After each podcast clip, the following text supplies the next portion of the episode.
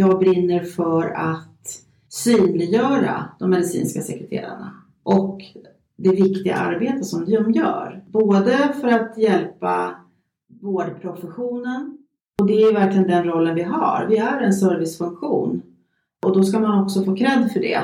Men vi är också de som värnar patientsäkerheten i form av det jobbet vi gör. Och vi ställer kontrollfrågorna som kanske inte andra gör.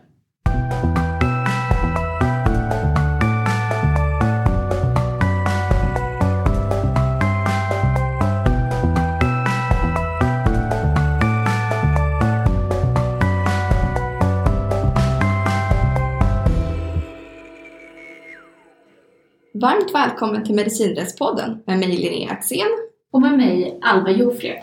Idag gästas vi av en person med gedigen kunskap och erfarenhet. Hon är medicinsekreterare och har under 22 år varit ordförande i LSF, Läkarsekreterares och sjukvårdadministratörers förbund. Jag pratar självklart om Helena Sander Ögren. Varför blev du medicinsekreterare? Ja du, jag var väl som alla andra när man hade gått ut gymnasiet, lite vimsig och visste inte riktigt vad jag ville göra och så. Men jag sommarjobbade innan, året innan jag slutade skolan, eller gymnasiet, så fick jag sommarjobb på Serafim med lasarettet som är ett av de äldsta sjukhusen här i Stockholm. Grundades på 1700-talet och ligger mitt emot Stadshuset. Så ni har säkert gått förbi det huset.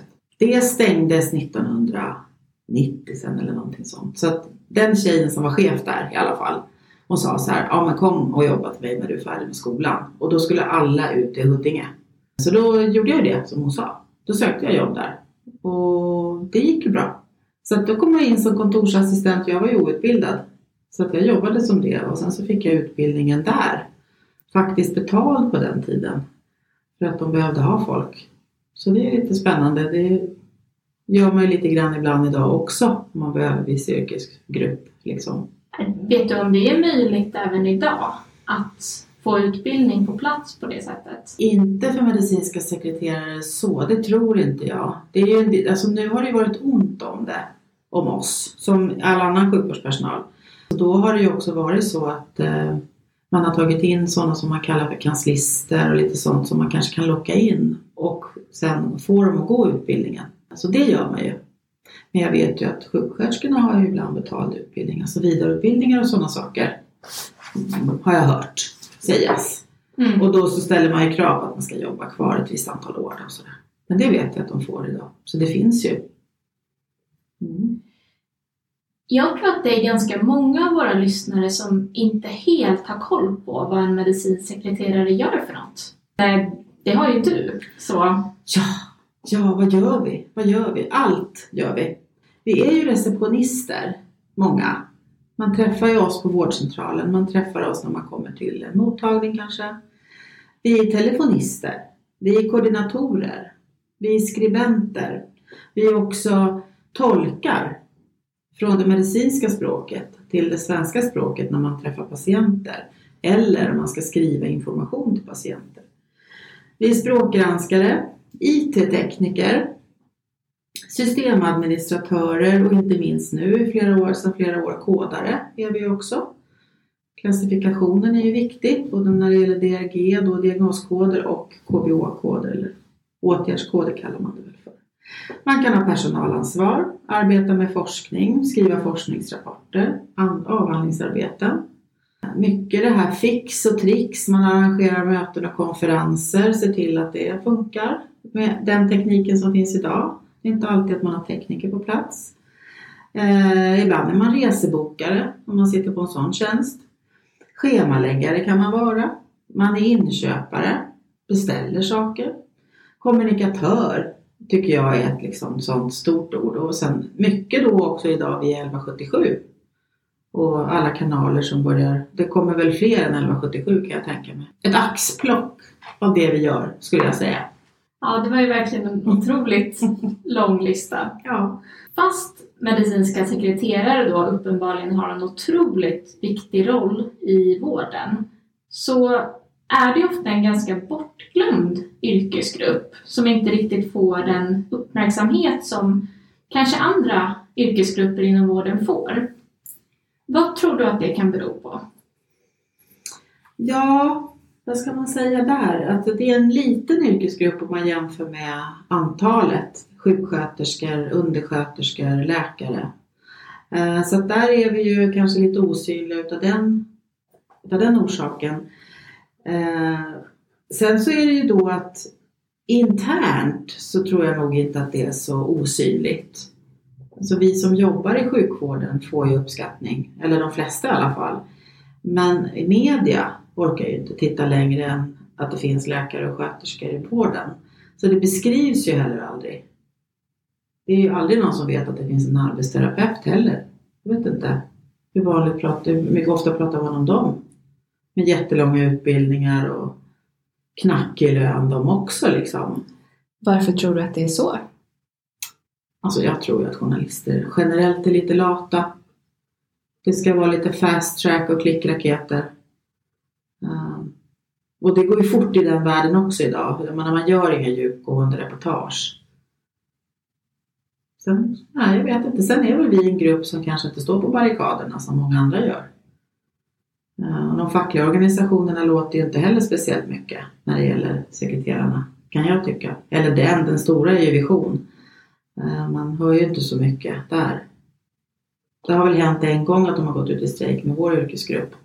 Annars heter det ju alltid att inte vi får det, medan andra får. Jag, vet inte. Jag, jag, kan inte säga att det är sant idag, om det, om det stämmer att man inte får. Eh, det är väl olika lagstiftningar på den fronten, men eh, och man ska ju inte uppmana till strejk heller, det är inte det jag menar. Men det är ju också så att det är där folk får uppmärksamhet, för det är då media vaknar. Om det är någon strid någonstans. Ja, uppror, det gillar journalisterna. Mm. Löneuppror och vi kräver det här och nu är vi som kommer nya och sådär. Det är ofta så det är. Och där kan vi få lite cred ibland när sekreterarna går ut som nya och säger att vi anställs inte för under den här lönen. Då går det. Mm. Men annars så syns vi inte så mycket ute. Och jag menar jag träffar ju de som söker till utbildningarna och som har kommit in och är jätte, jätteglada. Och så säger de i sin, i sin sfär med de människorna de umgås med att ja, jag kom in på den här utbildningen och bara Finns ni fortfarande? Precis som att det skulle ha varit dinosaurier, liksom utrotningshotade djur.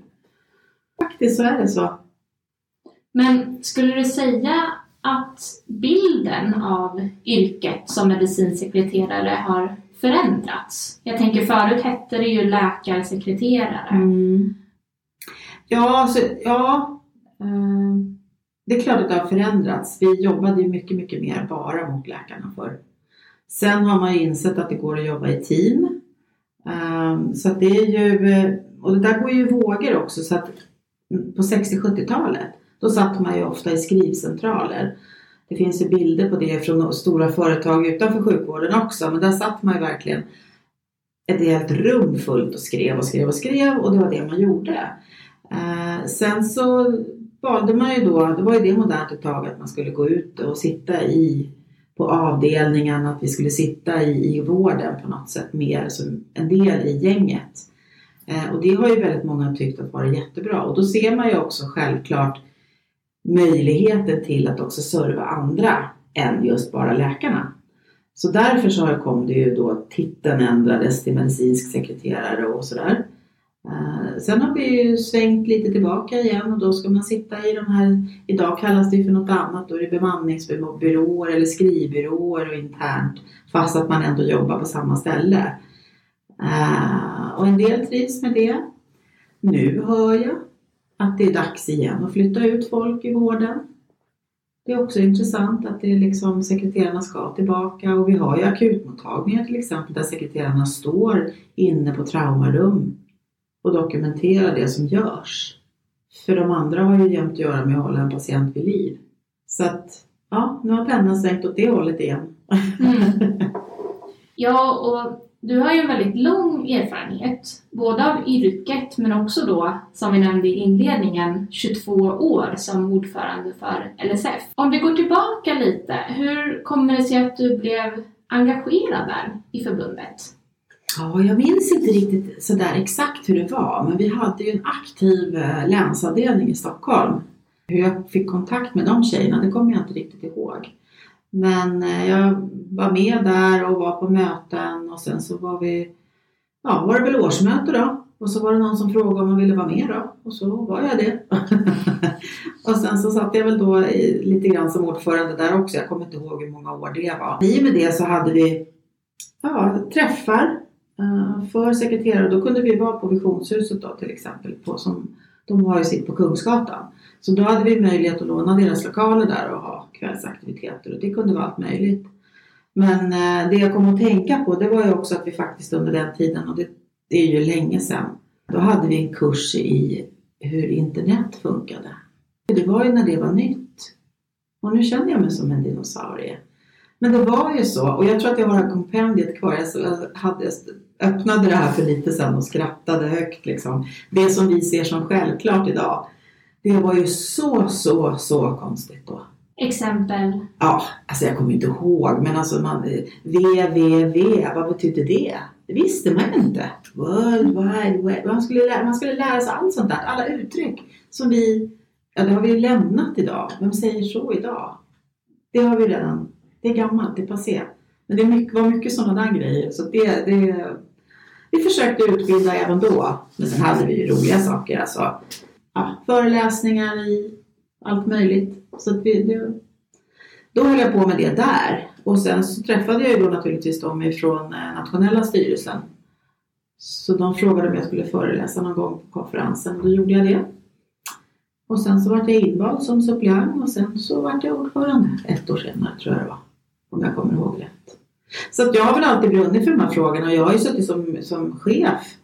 Och, och, då har man ju också en massa annat som man kan fundera över och det, det var väl också ett engagemang i det i sig.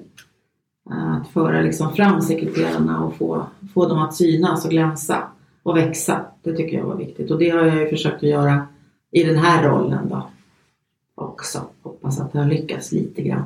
Ja men absolut. Och det är ju otroligt tydligt att du har ett så stort engagemang, att du verkligen brinner för att eh, både stärka liksom, de medicinska sekreterare och liksom visa på att det är en nyckelroll. Mm.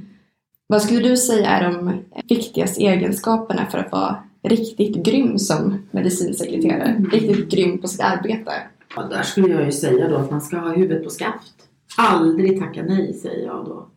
Och vara nyfiken. Alltså det är ju... Det är, sjukvården förändras ju hela tiden. Och så har det ju alltid varit. Och, och vi är ju en del av den. Även om vi liksom inte är mitt i såret om man så säger. Vi följs ju åt. Så det tror jag är största. Och efter sommaren så har vi ju många nya studenter som mm. kommer läsa till medicinsekreterare. Mm. Har du några tips till de studenterna? Eh, jag skulle ju säga att de eh, studerar presentationsteknik och verkligen lägger sig vinn om att bli de här personerna som kommunicerar. Och också på det sättet marknadsför yrket utåt och inåt i verksamheterna.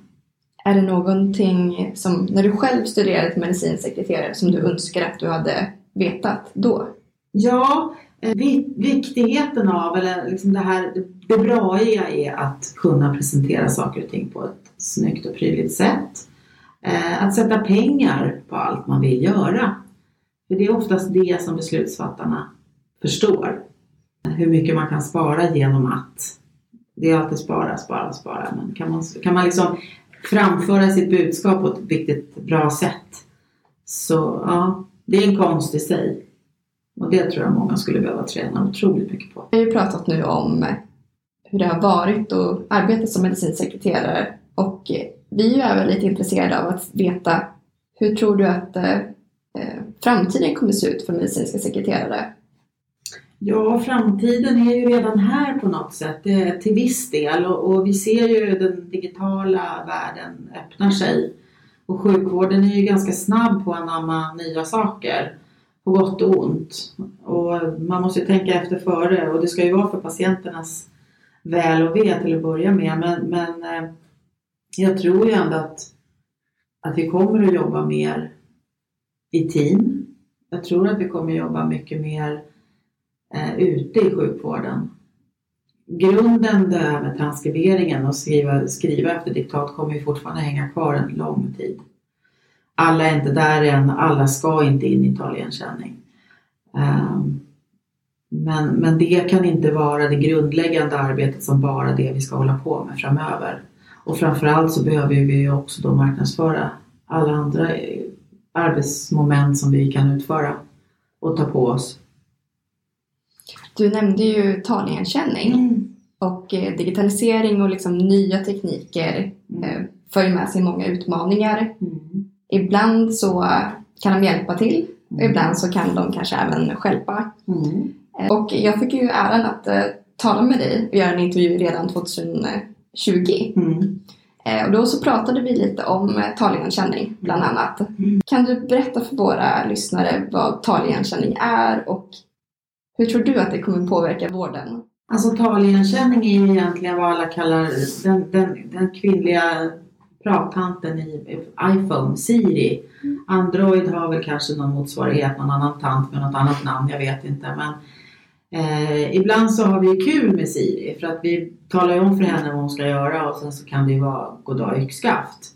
Taligenkänningen fungerar ju ungefär på samma sätt. Man lastar in en väldig massa ord det är ju naturligtvis AI som är inlagt i det här så att systemen kommer ju att lära sig. Och eh, när jag pratar in så omvandlas det jag pratar in till text. Eh, och det säger sig ju självt att om inte jag kan grammatiken och pratar eh, baklänges så kommer ju också systemet att prata baklänges och skriva baklänges. Journalen kommer att bli galen. Det finns också problem med vissa, vad ska jag säga, vissa ord kan vara krångliga. Det vet vi också att Siri har lite problem med ibland. Eh, och sen tror jag också att det är klart, det kan man ju, man, alltså i de här systemen så finns det autotexter och auto man kan göra mallar och sådana saker och följa efter och det, det är klart att det kommer bli bättre. Eh, men det man inte gör i förberedelserna här det är att ta med någon form av kvalitetssäkringstänk. Och sekreterarna känns på vissa ställen som att de har abdikerat och säger att vi, vi tar inte på oss den här rollen att granska. Det är läkarnas roll. Ja, men jag kan ju tycka att vi måste kliva in på banan där och säga att det här ska vi faktiskt ha som vår yrkes... Det är ju vår yrkesroll. Så varför helt plötsligt bara säga så här, nej, då backar vi. kan man inte hålla på med. Så det förväntar jag mig. Och det, och det är klart att får vi det här att funka. Och jag tror framförallt att det är sköterskegruppen är ju den största delen av sjukvården. De har aldrig haft sekreterare som skriver åt sig. Vilket läkarna alltid har haft om de har velat i princip. Så att rullar man ut det på sjuksköterskor så kommer det ju vinna, vi kommer ju vinna mycket mer tid från sjuksköterskorna. För de, det tar ju trots allt längre tid att sitta och formulera sig och skriva ner saker än att tala in och göra det i form av autoformat och, och, och liksom standardmallar. Fattar ju, när det rullas ut, det är då vi kommer märka det bra med taligenkänningen. Om de kan prata rätt. Det är samma problem där, någon måste granska och kvalitetssäkra. När man talar om taligenkänning, diktering, journalföring så är det svårt att inte också tala om eh, fel som kan uppkomma i journalen. Och det nämnde du ju lite här. Och dessa fel kan ju leda till brister. Eh, det kan få allvarliga konsekvenser för patienter. Vi kommer ge några exempel på roliga journalgrodor Mm. hämtade från verkligheten. Patienten blev vid undersökningstillfället gravid. Gift och trivs med maken. Övriga barn mår bra. Andra dagen var knät bättre och på tredje dagen hade det försvunnit helt. Sexårig kille. Icke rökare. Inte bra. Eller kan man säga att det var bra att han inte rökte? 92-årig änka med full hemhjälp. Känns ju inte så tryggt. Nej, Nej, patientosäkert. mm, verkligen. Patienten mår relativt väl. Går regelbundet som led i sin rehabilitering på hunddagis några gånger i veckan. Ett barn som är 14 månader gammal och nu gravid i sin andra graviditet. Syftningsfel. Patienten ska bokas för uppföljning hos läkare med ångest. Just det, vem är det som har ångest? Vi kan alltså konstatera att det kan bli väldigt fel när man för journal. Och enligt dig och många andra så kanske risken till och med ännu lite högre när man använder taligenkänning. För det har ganska nyligen börjat användas. Men trots att det används så lämnar tekniken ibland en del övrigt att önska. Vad finns det för lösningar på den här och liknande utmaningar?